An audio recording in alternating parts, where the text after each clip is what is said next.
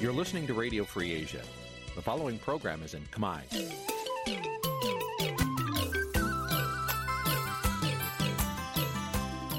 Nǐ chi càm bi tiệp xáy vệt chiu a zì sáy. Nǐ chi càm bi tiệp xáy bā vệt chiu a zì sáy chia phía xa khải. វិទ្យុអេស៊ីសរ៉ៃសូមស្វាគមន៍លោកអ្នកនាងទាំងអស់ពីរដ្ឋធានី Washington នៃសហរដ្ឋអាមេរិក។ ពីរដ្ឋធានី Washington ខ្ញុំបាទមួងណារ៉េតសូមជម្រាបសួរលោកនាងកញ្ញាអ្នកស្ដាប់វិទ្យុអាស៊ីសេរីទាំងអស់ជាទីមេត្រី យើងខ្ញុំសូមជូនកម្មវិធីផ្សាយសម្រាប់ព្រឹកថ្ងៃអង្គារ13រោចខែមិញឆ្នាំឆ្លូវត្រីស័កពុទ្ធសករាជ2565ដែលត្រូវនឹងថ្ងៃទី1ខែមីនាគ្រិស្តសករាជ2022បច្ចុប្បន្ននេះសូមអញ្ជើញលោកនាងកញ្ញាស្ដាប់ព័ត៌មានប្រចាំថ្ងៃដែលមានមេត្តាដូចតទៅ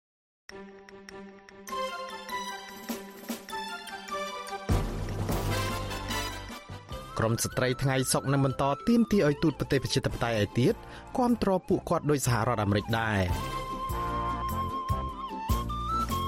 មន្ត្រីសិទ្ធិមនុស្សអន្តរជាតិនឹងជំរុញឲ្យប៉ូលីសអន្តរជាតិប្រកាសចាប់ខ្លួនមេកងអង្គរៈលោកហ៊ុនសែនមន្ត្រីបពប្រឆាំងថាមិនមានសមាជិកនៅមូលដ្ឋានរាប់រយនាក់ចោះចូលជាមួយនឹងគណៈបកកណ្ដាលអំណាចទេ ករណីឆ្លងមេរោគអូមីក្រុងនៅក្នុងសហគមន៍កើនឡើងសរុបជិត9000ករណីរួមនឹងព័ត៌មានផ្សេងៗមួយចំនួនទៀត។បជាបន្តទៅទៀតនេះខ្ញុំបាទមួងណារ៉េតសូមជូនព័ត៌មានពឺស្ដា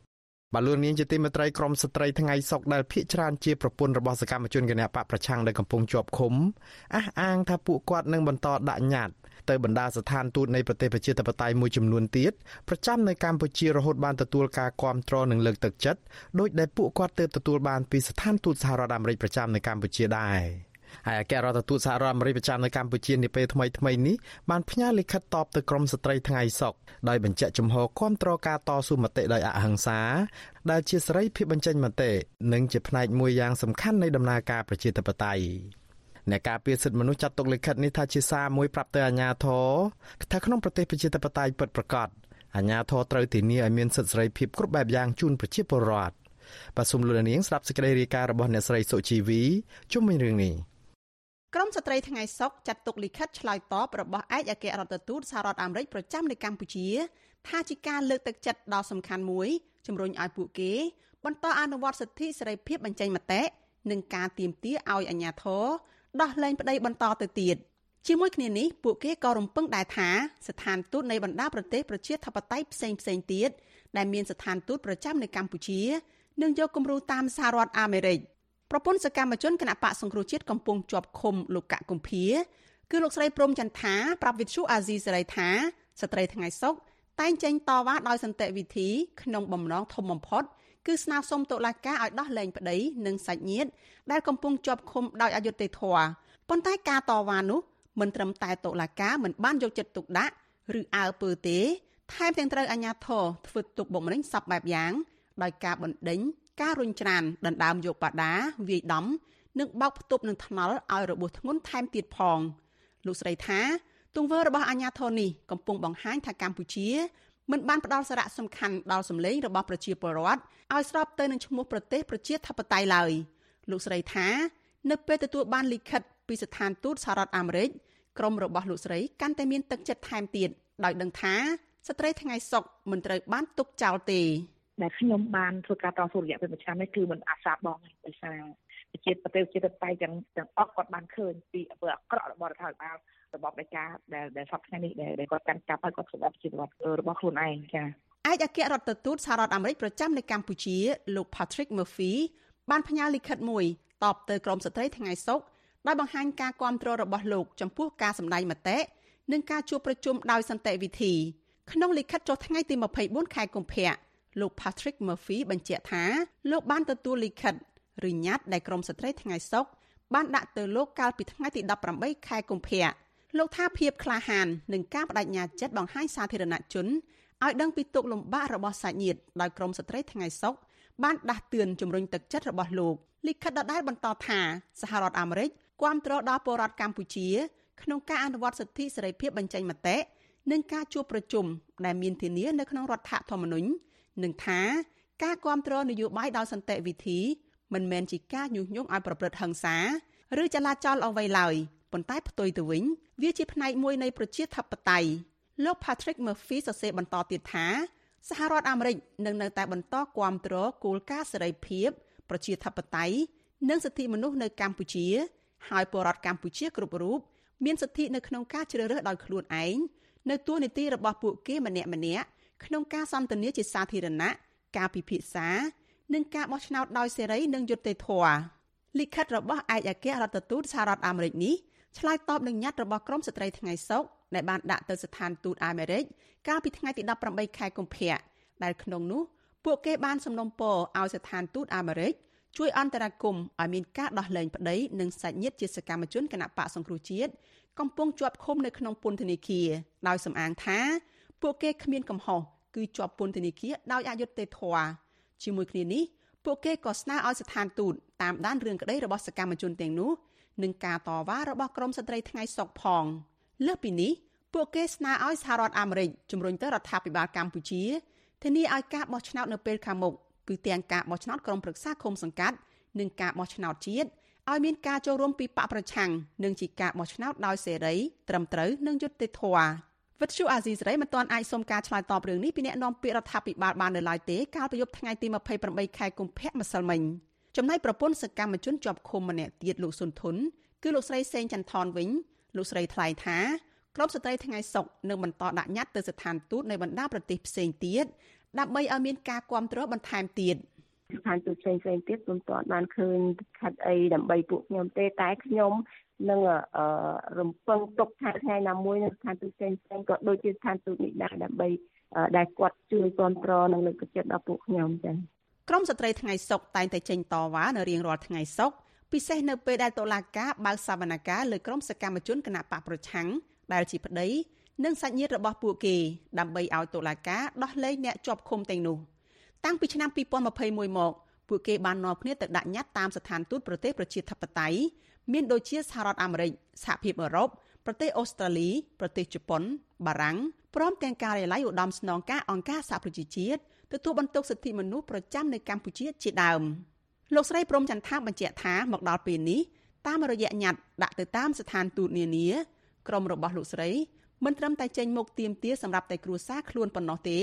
ប៉ុន្តែក៏ទៀមទាសម្រាប់ពលរដ្ឋទូទៅដែរខ្ញុំធ្វើការតវ៉ានេះ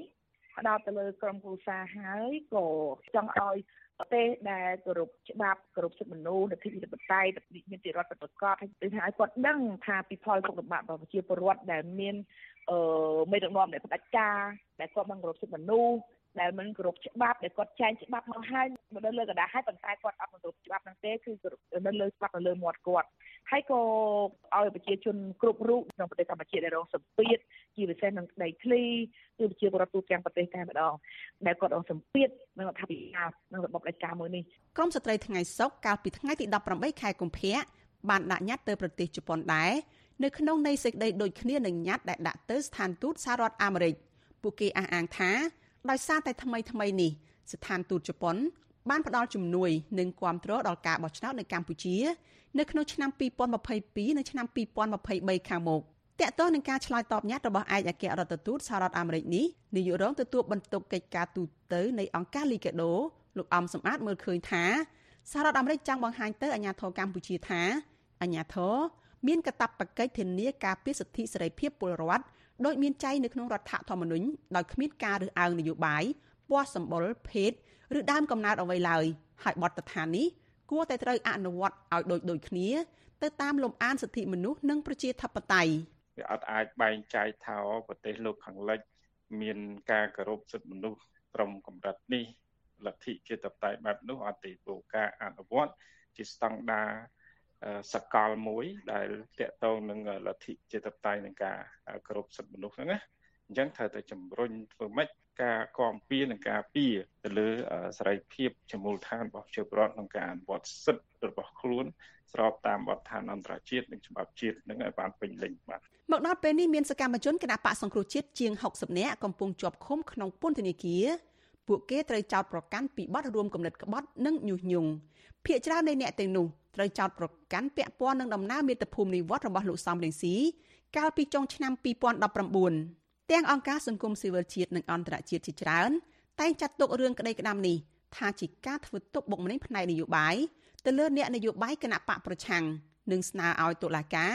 ទម្លាក់ចោលការចោទប្រកាន់និងដោះលែងអ្នកទាំងនោះឲ្យមានសេរីភាពវិញដោយគ្មានលក្ខខណ្ឌនាងខ្ញុំសុជីវីវិទ្យុអាស៊ីសេរីពីរដ្ឋធានី Washington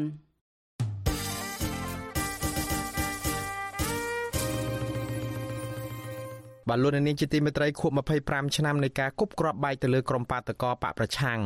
ដែលដឹកនាំដោយលោកសំរៀងស៊ីកាន់តែខិតជិតចូលមកដល់មន្ត្រីសិទ្ធិមនុស្សអន្តរជាតិថានឹងជំរុញឲ្យស្ថាប័នប៉ូលីសអន្តរជាតិឬក៏អង្គតាក់ប៉ូល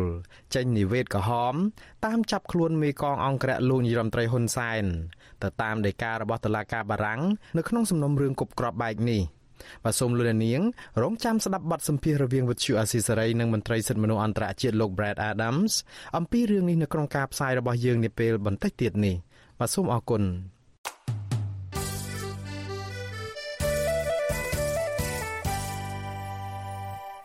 បាទលោកអ្នកស្ដាប់ជាទីមេត្រីពេលរដូវកាលឃោសនាបោះឆ្នោតជិតចូលមកដល់គណៈបកប្រជាជនកម្ពុជាបង្កើនសារឃោសនាអំពីការចុះចូលគណៈបកនេះពីសមាជិកមូលដ្ឋាននៃគណៈបកប្រឆាំង ក៏ប៉ុន្តែមន្ត្រីបកប្រឆាំងអះអាងថាមិនមានសមាជិករបស់ខ្លួននៅមូលដ្ឋានរាប់រយនាក់ចោះចូលជាមួយនឹងគណៈបកកណ្ដាលអំណាចនោះទេការលើកឡើងនេះធ្វើឡើងក្រោយពេលដែលអភិបាលខេត្តនិងមន្ត្រីពង្រឹងមូលដ្ឋានរបស់គណៈបកប្រជាជនកម្ពុជា កំពុងតែបង្កើនការចោះជួបប្រជាពលរដ្ឋនិងអូសទាញសកម្មជនបកប្រឆាំងនៅមូលដ្ឋាន ដើម្បីបង្ហាញការគាំទ្រនៅគៀកការបោះឆ្នោតនាពាក់កណ្ដាលឆ្នាំ2022នេះបាទលោកសនចន្ទរដ្ឋាមានសេចក្តីរាយការណ៍ជំវិញព័ត៌មាននេះ ក្រុមមន្ត្រីតាមមន្ត្រីគណៈបកសង្គ្រោះជាតិអះអាងថាសមាជិកឬសកម្មជនគណៈបកប្រឆាំងភ ieck ច្រើនមិនទៅចូលរួមជាមួយគណៈបកណាផ្សេងឡើយក្រៅពីគណៈបកភ្លើងទៀន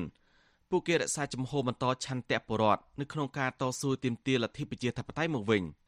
តំណាងគណៈបកភ្លើងទៀនប្រចាំខេត្តកំពង់ធំលោកថោមវិបុលសុខុមឲ្យដឹងថាមានអតីតសកម្មជនបកប្រឆាំងតិចតួចប៉ុណ្ណោះដែលរងការគៀបសង្កត់ធ្ងន់ធ្ងររងការគំរាមកំហែងនិងចាយបញ្ឆោតការញញងបានទៅចោះចូលជាមួយគណៈបកកណ្ដាលអំណាច ក៏ប៉ុន្តែមកទល់ពេលនេះមិនមានទីទេដោយសារសកម្មជនទាំងអស់ហាក់សាំបែរឡើងคล้ายការគម្រាមកំហែងទាំងអស់នោះទៀតហើយលោកបន្តថាបច្ចុប្បន្នគណៈបកភ្លឿនទៀនខេត្តកំពង់ធំកំពុងរៀបចំរចនាសម្ព័ន្ធស្ទើរទាំងស្រុងអស់ហើយគណៈអតីតសកម្មជនបកប្រឆាំងផ្សេងទៀតដែលនៅជ្រកកោនបដអសន្នក្នុងបកតូចតូចមួយចំនួនផ្សេងទៀតក៏បានត្រឡប់មកចូលរួមជាមួយគណៈបកភ្លឿនទៀនវិញដែរ។ អ្នកដែលទៅហ្នឹងមួយពីរហ្នឹងកន្លែងខ្លះគេទៅដល់វាវាជាប់ចិត្តនៅនោះទៅគេអត់បានមកវិញទៅហ្នឹងធ្វើម៉េចយើងហ៊ានមកខំគេដែរប៉ុន្តែអ្នកដែលនៅនៅច្រើនណាខាងគណៈបកលឿងទៀនហ្នឹងដែលឈាមជ័រខ្សែឆ្លាយមកពីគណៈបកសង្គ្រោះជាតិមកពីគណៈបកសំរងស៊ីហ្នឹងគឺអត់មានទាន់ទៅណាទេកម្លាំងដូចពេញហ្មងការលើកឡើងនេះក្រោយពេលដែលប្រព័ន្ធឃោសនារបស់គណៈបកកណ្ដាលអំណាចចុះផ្សាយជាបន្តបន្ទាប់ថាមន្ត្រីចុះពង្រឹងមូលដ្ឋានរបស់គណៈបកប្រជាជនកម្ពុជានិងអភិបាលខេត្តមួយចំនួនបានអូទាញសកម្មជនគណៈបកសង្គ្រោះជាតិ និងគណៈបកនយោបាយផ្សេងទៀតនៅតាមមូលដ្ឋានឲ្យចូលរួមជាមួយគណៈបកកណ្ដាលអំណាចរាប់រយនាក់ក្នុងមួយឃុំមួយឃុំក្នុងនោះឃុំសានកោស្រុកកំពង់ស្វាយខេត្តកំពង់ធំមានសមាជិកសមាជិកាគណៈបកប្រឆាំងជា3នាក់ត្រូវបានសាខាបកកណ្ដាលអំណាចឃុំធ្វើពិធីបញ្ចូលជាសមាជិកនៅថ្ងៃទី27កុម្ភៈអភិបាលខេត្តកំពង់ស្ពឺលោកវីសំណាងក៏បានធ្វើពិធីប្រកាសសមាជិកគណៈបកប្រឆាំងនិងបកផ្សេងទៀតសរុបជា100នាក់នៅឃុំទួលសាឡាស្រុកបរសេនបញ្ចូលជាសមាជិកបកកណ្ដាលអំណាចដែរ កាលពីថ្ងៃទី21កុម្ភៈចំណែកក្រុមតំណាងរាស្ត្រមន្ត្រីជាប់ពង្រើមូលដ្ឋាននិងទីប្រឹក្សានាយករដ្ឋមន្ត្រីហ៊ុនសែនក៏ខិតខំខ្លាំងណាស់ដែរក្នុងការងារនេះជុំវិញរឿងនេះអ្នកនាំពាក្យគណៈបកប្រជាជនកម្ពុជាលោកសុកសានការពីសកម្មភាពគ្នាគ្នារបស់លោកថាជាសកម្មភាពត្រឹមត្រូវដោយគ្មានការគំរាមកំហែងឬក៏បង្ខិតបង្ខំអ្វីទេ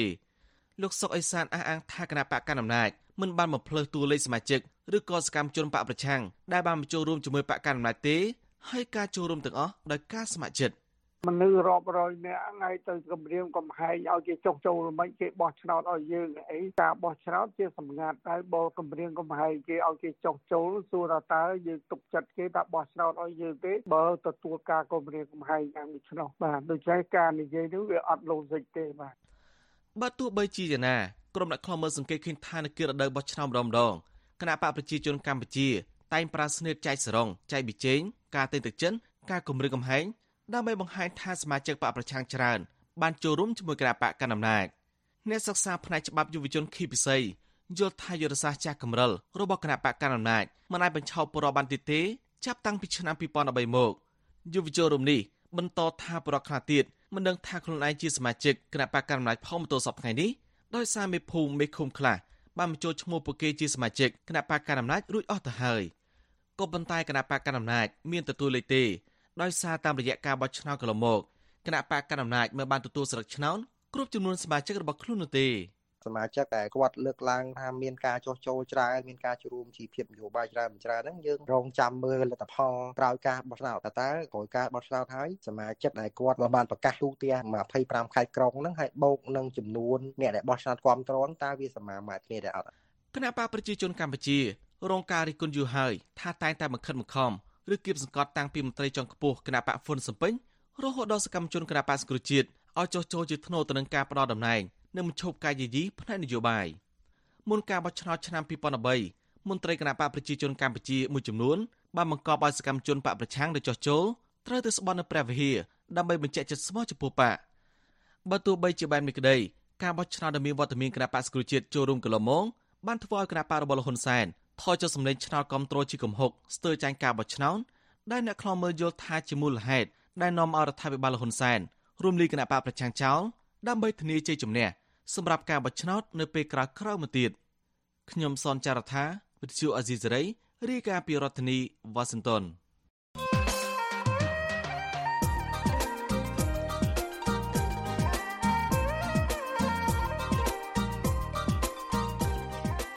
ស៊ីនតោនបលូននាងជាទីមេត្រីនៅមុនគប់25ឆ្នាំនៃការបោកគ្រាប់បែកលើក្រុមបាតកោនៅមុខវិមានរដ្ឋសភាក្រុងភ្នំពេញកាលពីថ្ងៃទី30មីនាឆ្នាំ1997តឡាការនៃប្រទេសបារាំងបានរកឃើញថាអ្នកនៅពីក្រោយការបោកគ្រាប់បែកសម្រាប់បាតកោនេះគឺជាមនុស្សចំណិតពីររូបរបស់លោកហ៊ុនសែននោះគឺលោកហ៊ីងប៊ុនហៀងមេអង្គរៈរបស់លោកហ៊ុនសែនជាអ្នករៀបចំចាត់ចែងបញ្ជូនមនុស្សឲ្យទៅបោកគ្រាប់បែកនិងលោកហ៊ុយពិសិដ្ឋ បច្ចុប្បន្នជារដ្ឋលេខាធិការក្រសួងការពារជាតិជាអ្នករៀបចំផែនការឲ្យជនដៃដល់ទាំងនោះកិច្ចខ្លួនបន្ទាប់ពីបោកគ្រាប់បែកតឡាការប្រទេសបារាំងចេញបញ្ជាឲ្យចាប់ខ្លួនអ្នកទាំងពីរនេះឡើងតឡាការលោកសំរងស៊ីដែលជាអ្នកដឹកនាំបាតកម្មនាពេលនោះបានរួចជីវិតពីការប៉ុនប៉ងសម្លាប់នៅក្នុងការបោកគ្រាប់បែកនោះដោយមានសញ្ជាតិបារាំងផងលោកសំរងស៊ីជាអ្នកដាក់ពាក្យប្តឹងទៅតុលាការប្រទេសបារាំង តើតឡាការនៃប្រទេសបារាំងនឹងធ្វើយ៉ាងណាដើម្បីអាចចាប់ខ្លួនលោកហ៊ីងប៊ុនហៀងនិងលោកហ៊ុយពិសិដ្ឋបញ្ជូនទៅតឡាការប្រទេសបារាំងបានតើការរកឃើញជាបន្តបន្ទាប់ថាបកពួកលោកហ៊ុនសែនជាអ្នកប្រព្រឹត្តអំពើឃាតកម្មអំពើពុករលួយនឹងការរំលោភបំពានជាហូរហែបែបនេះប៉ះពាល់បែបណាដល់លោកហ៊ុនសែនបាទសូមអញ្ជើញលោកនាងរងចាំស្ដាប់នឹងចូលរួមនៅក្នុងនីតិវេទិកាអ្នកស្ដាប់វិទ្យុអាស៊ីសេរីនារីត្រីថ្ងៃអង្គារទី1ខែមីនានេះ ដែលមានលោកសំរៀងស៊ីជាដើមមិនដឹងនិងជាជនរងគ្រោះពីការបោកគ្រាប់បែកនេះធ្វើជាវាគ្មិនកតញ្ញុនិងមានលោកជុនច័ន្ទវត្តជាអ្នកសម្របសម្រួលបាទសូមអរគុណបលូននាងជាទីមេត្រីក្រោយរងការធ្វើទុកបុកម្នេញពីសំណាក់អាជ្ញាធរមិនអោយចេញតវ៉ាដោយយកលេសថាទប់ស្កាត់ការឆ្លងរាតត្បាតនៃជំងឺ Covid-19 ក្រុមកោតក្រ Naga World ប្រកាសធ្វើយុទ្ធនាការស្វែងរកដំណោះស្រាយវិវាទការងារលើបណ្ដាញសង្គម Facebook ម្ដង អំឡុងពេលដែលអាជ្ញាធររាជធានីភ្នំពេញតម្រូវឲ្យពួកគេធ្វើចតាលេខស័កនៅតាមផ្ទះពួកគេអះអាងថាបើទោះបីជាអាជ្ញាធររកវិធីសាស្ត្ររារាំងឬដាក់សម្ពាធយ៉ាងណាក្តីក៏ក្រុមកោតក្រនៅតែរសារឆន្ទៈ ចេញធ្វើកោតកម្មដូចដើមបន្ទាប់ពីអនុវត្តវិធានការសុខាភិបាលរួចមន្ត្រីអង្គការសង្គមស៊ីវិលជំរុញឲ្យភាគីពាក់ព័ន្ធបន្តស្វែងរកដំណោះស្រាយឲ្យបានឆាប់ដោយស្មារតីគ្នានិងគ្រប់ភាគីអាចទទួលយកបានបាទសូមលោកនាងស្ដាប់សេចក្តីរាយការណ៍របស់លោកមានរិទ្ធជុំវិញរឿងនេះក្រុមកោតក្រ Nagawal ថាបើទោះបីជាស្ថានភាពគ្រួសាររបស់ពួកគេជួបនៅការលំបាកលំបិនផ្នែកជីវភាព និងទទួលរងនឹងការធ្វើទុកបុកម្នេញពីសំណាក់អាជ្ញាធរយ៉ាងណាក៏ដោយក្តីក៏ពួកគាត់នៅតែរក្សាជំហរធ្វើសកម្មភាពស្វែងរកដំណោះស្រាយដោយសន្តិវិធីតាមគ្រប់មធ្យោបាយពួកគាត់សោកស្ដាយចំពោះអាជ្ញាធរពាក់ព័ន្ធដែលមិនបានដើរតួនាទីជាអាជ្ញាកណ្ដាលនៅក្នុងការផ្ដល់ដំណោះស្រាយត្រឹមត្រូវស្របតាមផ្លូវច្បាប់ជូនដល់កម្មករនិយោជិតដែលទទួលរងនៅអំពើអយុត្តិធម៌គឧតកោនឹងជាបុគ្គលិកម្នាក់នៃក្រុមហ៊ុន Casino NagaWorld កញ្ញាម៉ែនសុធីវឌ្ឍនៈប្រាវិសុស៊ីស្រីថាបច្ចុប្បន្នគឧតកោជាង100នាក់កំពុងធ្វើចតាល័យស័កនៅតាមផ្ទះរៀងៗខ្លួនក៏ប៉ុន្តែក្រុមគឧតកោក៏បាននាំគ្នាបង្កើនសកម្មភាពធ្វើយុទ្ធនាការតាមបណ្ដាញសង្គម Facebook ដោយនាំគ្នាបង្ហោះជាសាររូបថតនិងផ្សាយផ្ទាល់ Facebook Live ទាមទារឲ្យអាជ្ញាធរ ដោះលែងតំណាងសហជីពនិងកម្មករត្រឡប់មកវិញ ដើម្បីបន្តការចរចាស្វែងរកដំណោះស្រាយនៃវិវាទការងារនេះឲ្យបានឆាប់លើពីនេះទៀតកកញ្ញាថាសកម្មភាពនេះក៏ចង់បកស្រាយព័ត៌មានពិត និងផ្ញើសារជូនមហាជន អំពីទង្វើអាក្រក់របស់អាជ្ញាធរដែលតែងតែលៀបពណ៌ចោតប្រកាន់និងបង្ក្រាបលើក្រុមកោតក្ររហូតឈានដល់ការប្រើប្រាស់អំពើហិង្សាបៀតបៀនលើស្ត្រីភេទឥតស្រាកស្រាននាពេលកន្លងទៅ ដែលយើងនៅកោតកម្មពួកយើងបានចេញមហាជនឃើញថាពួកយើងបានឈរធ្វើកោតកម្មនៅខាងក្រៅហើយគេដឹងឮច្រើនប៉ុន្តែបច្ចុប្បន្នពួកយើងនៅក្នុងផ្ទះក៏យើងអត់សង្ងំស្ងៀមដែរព្រោះយើងនៅតែបង្ហាញទៅសាធារណជនថាពួកយើងអត់បោះបង់ចោលទេថាយើងតស៊ូទាំងអស់គ្នារហូតដល់មានដំណោះស្រាយជាមួយគ្នានេះដែរគឧតកោនឹងជាបុគ្គលិកនៃក្រុមហ៊ុន Casino Nagawal ម្នាក់ទៀតគឺលោកស្រីហៅម៉ាលីថ្លែងថាកន្លងទៅលោកស្រីខកចិត្តជាខ្លាំង ចំពោះអាជ្ញាធររាជធានីភ្នំពេញ និងក្រសួងសុខាភិបាល ដែលបានអនុវត្តនូវវិធានការទប់ស្កាត់ជំងឺ Covid-19 មានស្តង់ដារ2ដើម្បីយកលេសដាក់សម្ពាធធ្វើទុកបុកម្នេញមកលើក្រុមកោតក្រជាបន្តបន្ទាប់លោកស្រីបន្តថាបញ្ហានេះមិនអាចរារាំងឬបំបាក់ស្មារតីរបស់ពួកគាត់បានឡើយផ្ទុយទៅវិញចំពេលធ្វើចតាឡេសាក្រុមកោតក្របាននាំគ្នាធ្វើយុទ្ធនាការបង្ហោះ និងចែករំលែកសារទៀមទារកដំណោះស្រាយនៅតាមបណ្ដាញសង្គមហើយក៏ចង់បង្ហាញថាក្រុមកោតក្រមិនរាថយនោះទេស្នើសុំឲ្យក្រសួងការងារនិងខាងរដ្ឋបាលរាជធានីភ្នំពេញនឹងឈប់ខាត់ខាំកតកពួកខ្ញុំទៀតហើយហៅក្រុមហ៊ុន Nagawer ចេញមកដោះស្រាយឲ្យដោះលែងតំណាងទាំង8ហើយនឹងកតក3រូបនឹងមកឈប់ចោលពីបាត់ញុះញង់អីទៀតហើយចូលតុកចរចាទៅមានដំណោះស្រាយ វិសុយស៊ីស្រីមិនអាចតាក់ទងแนะនាំពាក្យក្រសួងកាងារលោកហេងសួរនិងแนะនាំពាក្យស្នងការដ្ឋានគរបាលរាជធានីភ្នំពេញលោកសានសុកសីហាដើម្បីឆ្លើយតបជុំវិញរឿងនេះបាននៅឡើយទេនៅថ្ងៃទី28ខែកុម្ភៈរយៈពេលប្រមាណថ្ងៃកន្លងមកនេះអាជ្ញាធរក្រុងភ្នំពេញបានបង្ក្រាបក្រុមកោតក្រដែលហ៊ានចេញធ្វើកោតកម្មនៅក្បែរអគារបនលបែងកាស៊ីណូ Nagavel ដោយប្រើកម្លាំងរាប់រយនាក់ ចាប់បង្ខំក្រុមកោតក្រទាំងកំរោលបញ្ជូនឲ្យទៅធ្វើចតាល័យស័កនៅកន្លែងខ្វះអនាម័យនិងគ្មានអាហារបរិភោគគ្រប់គ្រាន់ក្រុមកោតក្រឲ្យដឹងថាក្រោយពីអាជ្ញាធរដោះលែងក្រុមកោតក្រជាង100នាក់ចេញពីមណ្ឌលចតាល័យស័កមានកោតក្រមួយចំនួន បានធ្លាក់ខ្លួនឈឺជាបន្តបន្ទាប់និងខ្លះទៀតត្រូវប្រឈមនឹងបញ្ហាសុខភាពសហជីពនិងក្រុមកោតក្រ ចាត់ទុកចំណាត់ការនេះថាគឺជាទណ្ឌកម្មដើម្បីកុំឲ្យពួកគាត់ចេញមុខតវ៉ាស្វែងរកដំណោះស្រាយនៃវិវាទការងារនេះតែប៉ុណ្ណោះក៏ប៉ុន្តែរដ្ឋបាលរាជធានីភ្នំពេញបានចាត់ទុកការធ្វើកោតកម្មរបស់ក្រុមកោតក្រថាមានចេតនាទុច្ចរិតបង្កអសន្តិសុខនិងរំខានដល់យុទ្ធនាការប្រយុទ្ធប្រឆាំងនឹងជំងឺ Covid-19 សាលាក្រុងភ្នំពេញថានឹងចាត់វិធានការតាមផ្លូវច្បាប់ប៉ះសិនបើក្រុមកោតក្រនៅតែបន្តចេញធ្វើកោតកម្មហើយមិនគ្រប់តាមវិធានសុខាភិបាលជុំវិញរឿងនេះអ្នកគ្រប់គ្រងកម្មវិធីសិទ្ធិការងារនៃអង្គការសង្ត្រាល់លោកខុនតារ៉ូមានប្រសាសន៍ថាក្រុមកោតក្រកាស៊ីណូ Nagawal តែងតែទទួលរងនៅអំពើអយុត្តិធម៌គ្រប់រូបភាពពីសំណាក់នយោជក ដែលរំលោភលើសិទ្ធិការងារនិងពីសំណាក់អាជ្ញាធរដែលចោទប្រកាន់ពួកគេតាមប្រព័ន្ធតុលាការដោយសារការអនុវត្តច្បាប់មិនបានត្រឹមត្រូវនិងអព្យាក្រឹតលោកថាការដាក់សម្ពាធដល់ក្រុមកម្មករឲ្យបោះបង់ចោលការធ្វើកុតកម្មនេះមិនមែនជាដំណោះស្រាយបញ្ចប់វិវាទការងារដោយសន្តិវិធីនោះទេលោកខុនតារ៉ូមើលឃើញថាការធ្វើយុទ្ធនាការតាមបណ្ដាញសង្គម ទាមទាររកដំណោះស្រាយនៃវិវាទការងារនៅក្នុងស្ថានភាពដែលពួកគាត់រងសម្ពាធសេដ្ឋកិច្ចគ្រួសារជាពិសេសអាញាធរព្យាយាមប្រើប្រាស់គ្រប់មធ្យោបាយរារាំងបែបនេះក៏អាចជួបនៅឧបសគ្គក៏ប៉ុន្តែលោកយល់ថាការឈឺចាប់និងអំពើអយុត្តិធម៌កន្លងទៅនេះនឹងជំរុញឲ្យពួកគាត់នៅតែមានឆន្ទៈតស៊ូទៅមុខទៀត។ ខ្ញុំគិតថាវានឹងក៏នឹងអាចជាអតិពលទៅដល់មុខមាត់របស់រដ្ឋាភិបាលនិងកាតព្វកិច្ចរបស់រដ្ឋក្នុងការបំពេញតួនាទីនៅក្នុងការលើកកម្ពស់សិទ្ធិការងារសិទ្ធិមនុស្សហើយករណីនាការនេះវាមិនមែនជារឿងថ្មីទេវាជារឿងចាស់អញ្ចឹងមានន័យជាការសើរើនៅវិទ្យនៅការរំលោភសិទ្ធិការងារចាស់បូកផ្សំទៅនឹងព្រឹត្តិការណ៍ថ្មីថ្មីចុងក្រោយនេះវាហិតថាមានបោះតាងមានបន្ទុកដាក់បន្ថែមទៀតទៅរដ្ឋាភិបាលអំពីកាតព្វកិច្ចនិងតួនាទីរបស់ខ្លួនទៅនឹងយន្តការអន្តរជាតិហ្នឹងហើយ ក្រុមអ្នកជំនាញផ្នែកសិទ្ធិមនុស្សរបស់អង្គការសហជីវជាតិកាលពីពេលថ្មីៗនេះបានរិះគន់ថាអាជ្ញាធរក្រុងភ្នំពេញកំពុងអនុវត្តនូវវិធានការសុខាភិបាល ដែលមានស្តង់ដារពីរផ្សេងគ្នា រវាងក្រុមកោតក្រនិងសាធារណជនទូទៅ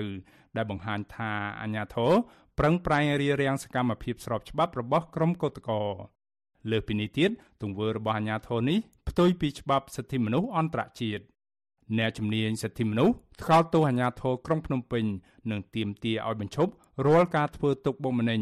ការរំលោភបំពានបៀតបៀនលើរូបរាងកាយរបស់ក្រុមកោតក្រជាស្ត្រី ដែលចេញមុខតវ៉ាស្វែងរកដំណោះស្រាយដោយសន្តិវិធី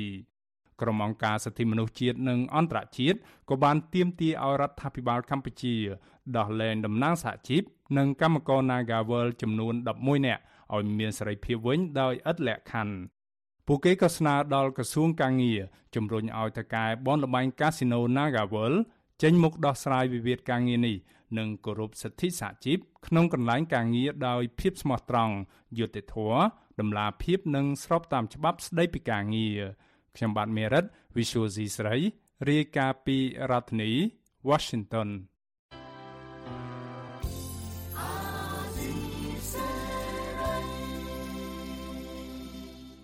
បាទលោកនាងជាទីមេត្រីលោកនាងកំពុងតែស្ដាប់ការផ្សាយរបស់វិទ្យុអាស៊ីសេរីដែលផ្សាយចេញពីរដ្ឋធានី Washington សហរដ្ឋអាមេរិកលោកនាងក៏អាចស្ដាប់ការផ្សាយរបស់វិទ្យុអាស៊ីសេរីដំណើរគ្នាទៅនឹងការផ្សាយតាមបណ្ដាញសង្គម Facebook និង YouTube នេះតាមរយៈរលកធារកាសខ្លីឬក៏ Short Wave ពេលព្រឹកចាប់ពីម៉ោង5កន្លះដល់ម៉ោង6កន្លះតាមរយៈរលកធារកាសខ្លី9390 kHz ស្មើនឹងកម្ពស់ 32m និង11850 kHz ស្មើនឹងកម្ពស់ 25m ពេលយប់ចាប់ពីម៉ោង7កន្លះដល់ម៉ោង8កន្លះតាមរយៈរលកធារកាសខ្លី9390 kHz ស្មើនឹងកម្ពស់ 32m និង15155 kHz ស្មើនឹងកម្ពស់ 20m បាទសូមអរគុណ បលូននាងជាទីមេត្រីជំវិញការរីករាលដាលនៃជំងឺ Covid-19 នៅកម្ពុជា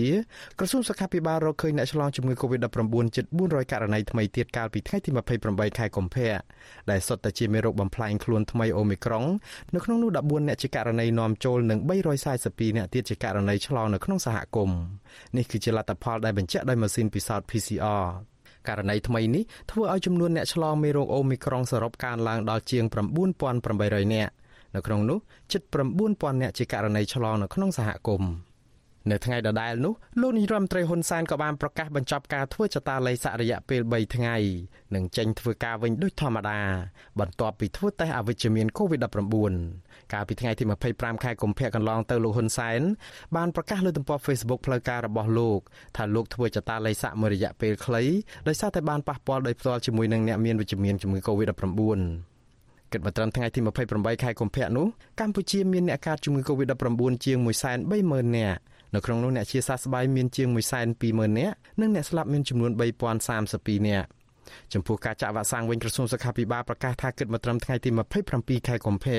រដ្ឋាភិបាលបានចាក់វ៉ាក់សាំងគ្រប់ដូសជូនប្រជាពលរដ្ឋបានជាង13លាន8សែននាក់នៅក្នុងចំណោមប្រជាពលរដ្ឋដែលត្រូវចាក់វ៉ាក់សាំងប្រមាណ14លាននាក់ដែលរាប់ពីកុមារអាយុចាប់ពី5ឆ្នាំរហូតដល់មនុស្សពេញវ័យរីឯដូសជំរុញទី3និងទី4វិញរដ្ឋាភិបាលចាក់ជូនប្រជាពលរដ្ឋបានសរុបជិត8លាននាក់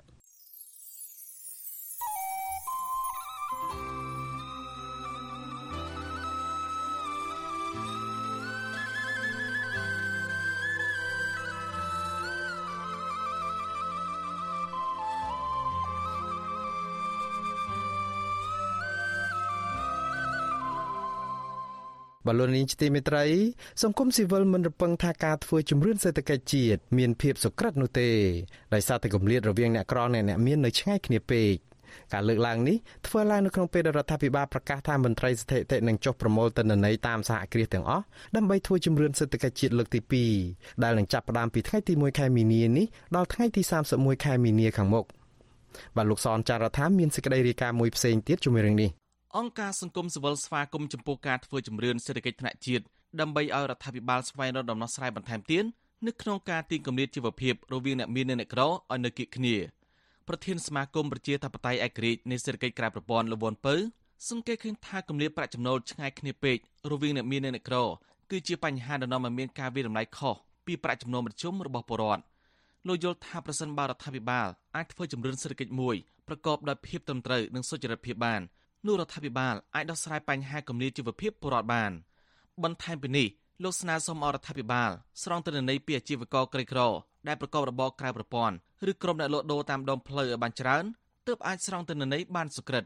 បើសិនជាជំរឿនហើយគ្រាន់តែយកទៅទូលេខអត់គិតវិភាគរំលាតរវាងអ្នកមាននិងអ្នកក្រវាពិបាកក្នុងការទទួលបាននៃភាពយុត្តិធម៌សម្រាប់អ្នកក្រីក្រហើយបើសិនជាបានទូលេខហើយมันមានគោលនយោបាយក្នុងការដោះស្រាយគម្លាតប្រាក់ចំណូលរវាងអ្នកមាននិងអ្នកក្រទេវាជារឿងមួយដែលយើងគិតថាគ្រាន់តែជំរឿនឲ្យតែ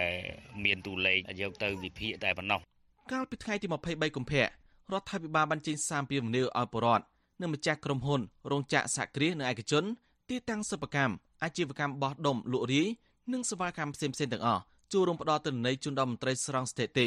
ដែលពួកគេនឹងចោះធ្វើជំរឿនប្រមូលទិន្នន័យសេដ្ឋកិច្ចទាំងអស់ចាប់តាំងពីដើមខែមីនាតទៅតាមរយៈសារលិខិតនោះលោកនាយករដ្ឋមន្ត្រីហ៊ុនសែនបានបញ្ជាក់ថាទិន្នន័យទាំងអស់ដែលបានមកពីការធ្វើជំរឿនសេដ្ឋកិច្ចនេះនឹងត្រូវប្រើប្រាស់ដោយទូលំទូលាយនៅក្នុងវិស័យសាធារណៈនិងឯកជនជានេះទៅទៀតទិន្នន័យជំរឿនសេដ្ឋកិច្ចជាតិនេះក៏ជាធាតុចូលដ៏សំខាន់ សម្រាប់ការរៀបចំគោលនយោបាយអភិវឌ្ឍសេដ្ឋកិច្ចបរិស្ថាន សង្គមវប្បធម៌និងសុខុមាលភាពពលរដ្ឋទិន្នន័យជំរឿនសេដ្ឋកិច្ចជាតិនេះក៏ជាតម្រូវការសំខាន់សម្រាប់ការត្រួតពិនិត្យតាមដានកម្មវិធីគោលនយោបាយអភិវឌ្ឍសេដ្ឋកិច្ចនិងសង្គមជុំវិញករណីនេះវិទ្យុអាស៊ីសេរីមិនទាន់អាចសុំការបញ្ជាក់បន្ថែមពីអ្នកនាំពាក្យក្រសួងផែនការលោកនប់កនវុឌ្ឍនិងអ្នកនាំពាក្យរដ្ឋាភិបាលលោកផៃស៊ីផានបាននៅឡើយទេនៅថ្ងៃទី27កុម្ភៈតែទោះបីជាយ៉ាងណាកាលពីថ្ងៃទី8កុម្ភៈ រដ្ឋមន្ត្រីក្រសួងផែនការលោកឆៃថនបាននៅក្នុងកិច្ចប្រជុំតាមប្រព័ន្ធអ៊ីនធឺណិតជាមួយមន្ត្រីនៃវិជាស្ថានជាស្ថិតិនិងថ្នាក់ដឹកនាំរាជធានីខេត្តទាំងអស់ដើម្បីរៀបចំដំណើរការជំរុញសេដ្ឋកិច្ចជាតិឆ្នាំ2022រួចហើយដោយត្រូវប្រើប្រាស់មន្ត្រីសម្ភារសរុបប្រមាណ5000នាក់នៅក្នុងកិច្ចប្រជុំនោះលោករដ្ឋមន្ត្រីបញ្ជាក់ថារបាយការណ៍បឋមស្ដីពីការស្រង់បញ្ជីអង្គភាពសេដ្ឋកិច្ចនៅតាមរាជធានីខេត្តទាំងអស់បង្ហាញថាមានអង្គភាពសេដ្ឋកិច្ចសរុបជាង7សែនទីតាំងកំពុងដំណើរការទូទាំងប្រទេសក្នុងឆ្នាំ2021 បើប្រៀបធៀបនឹងឆ្នាំ2011ចំនួនអង្គភាពសេដ្ឋកិច្ចទាំងនេះកើនឡើងជិតពាក់កណ្ដាលចំណែកចំនួនពលរដ្ឋនិងភូមិសាស្ត្ររដ្ឋបាលគ្រប់គ្រងនៅថ្នាក់មូលដ្ឋានក៏មានការកើនឡើងច្រើនដែរផ្ទុយពីពលរដ្ឋក្រីក្រខ្លះដែលអះអាងថាស្ថានភាព COVID-19 បានធ្វើឲ្យពួកគាត់រងផលប៉ះពាល់ជីវភាពខ្លាំងនោះរដ្ឋមន្ត្រីក្រសួងផែនការលោកឆៃថនអះអាងថាកម្ពុជាបច្ចុប្បន្នមានការអភិវឌ្ឍសេដ្ឋកិច្ចរីកចម្រើនខណៈមុនការឆ្លងរាលដាល COVID-19 កម្ពុជាអាចរក្សាកំណើនសេដ្ឋកិច្ច7%ដដែល ប្រធានសមាគមកម្មករកម្ពុជាសេដ្ឋកិច្ចក្រៅប្រព័ន្ធលោកសុកជុនអឿងអះអាងថាស្ថានភាពបរដ្ឋនិងអ្នកប្រកបរបរក្រៅប្រព័ន្ធនៅតែជួបការលំបាកធ្ងន់ធ្ងរដោយសារវិបត្តិ COVID-19 មន្ត្រីអង្គការសង្គមសវរមនេះស្វាគមន៍ចំពោះរដ្ឋាភិបាលនៅក្នុងការធ្វើជំរឿនសេដ្ឋកិច្ចជាតិតែលោកមិនទាន់ជឿជាក់ថាជំរឿននេះមានភាពសុក្រទេពីប្រកតាប្រាក់ចំណូលរបស់អ្នកមាននិងអ្នកក្រនៅឆ្ងាយគ្នាខ្លាំងពេកតែទោះបីជាយ៉ាងណាលោកជំរុញឲ្យប្រជាពលរដ្ឋនិងម្ចាស់អាជីវកម្ម ផ្ដល់ទិន្នន័យច្បាស់លាស់ជូនដល់មន្ត្រីស្ថិតិដើម្បីរដ្ឋាភិបាលរកដំណោះស្រាយជួយលើកកម្ពស់ជីវភាពពលរដ្ឋក្រីក្ររដ្ឋាភិបាលគួរតែយកទិន្នន័យពីជំរឿនហ្នឹងដោយការចុះជួបប្រជាពលរដ្ឋផ្ទាល់យករបាយការណ៍ពីប្រជាពលរដ្ឋផ្ទាល់ហ្នឹងក៏មានការបំផោងទិន្នន័យអីហើយយកទៅរៀបចំគោលនយោបាយដើម្បីធ្វើយ៉ាងណាឲ្យគូទៅនឹងសេដ្ឋកិច្ចប្រជាពលរដ្ឋនៅពេលបច្ចុប្បន្ននេះជំរឿនសេដ្ឋកិច្ចជាតិត្រូវធ្វើឡើងរយៈពេល10ឆ្នាំម្ដងដោយផ្អែកតាមច្បាប់ស្តីពីស្ថិតិកាលពីឆ្នាំ2011 រដ្ឋាភិបាលបានធ្វើជំរឿនសេដ្ឋកិច្ចលើដំបូងឬហៅថាជំរឿនសហគ្រាសនៅកម្ពុជាឆ្នាំ2011បន្ទាប់មកនៅឆ្នាំ2009រដ្ឋាភិបាលបានធ្វើការអង្កេតចន្លោះពាក់កណ្ដាលជំរឿនម្ដងទៀតក្រោយការអង្កេតចន្លោះពាក់កណ្ដាលជំរឿននោះរដ្ឋាភិបាលប្រកាសថាកម្ពុជាកំពុងត្រៀមខ្លួនចាក់ចេញពីចំណាត់ថ្នាក់នៃក្រុមប្រទេសដែលមានការអភិវឌ្ឍតិចតួចខ្ញុំសនចាររថាវិទ្យុអាស៊ីសេរីរាយការណ៍ពីរដ្ឋធានីវ៉ាស៊ីនតោន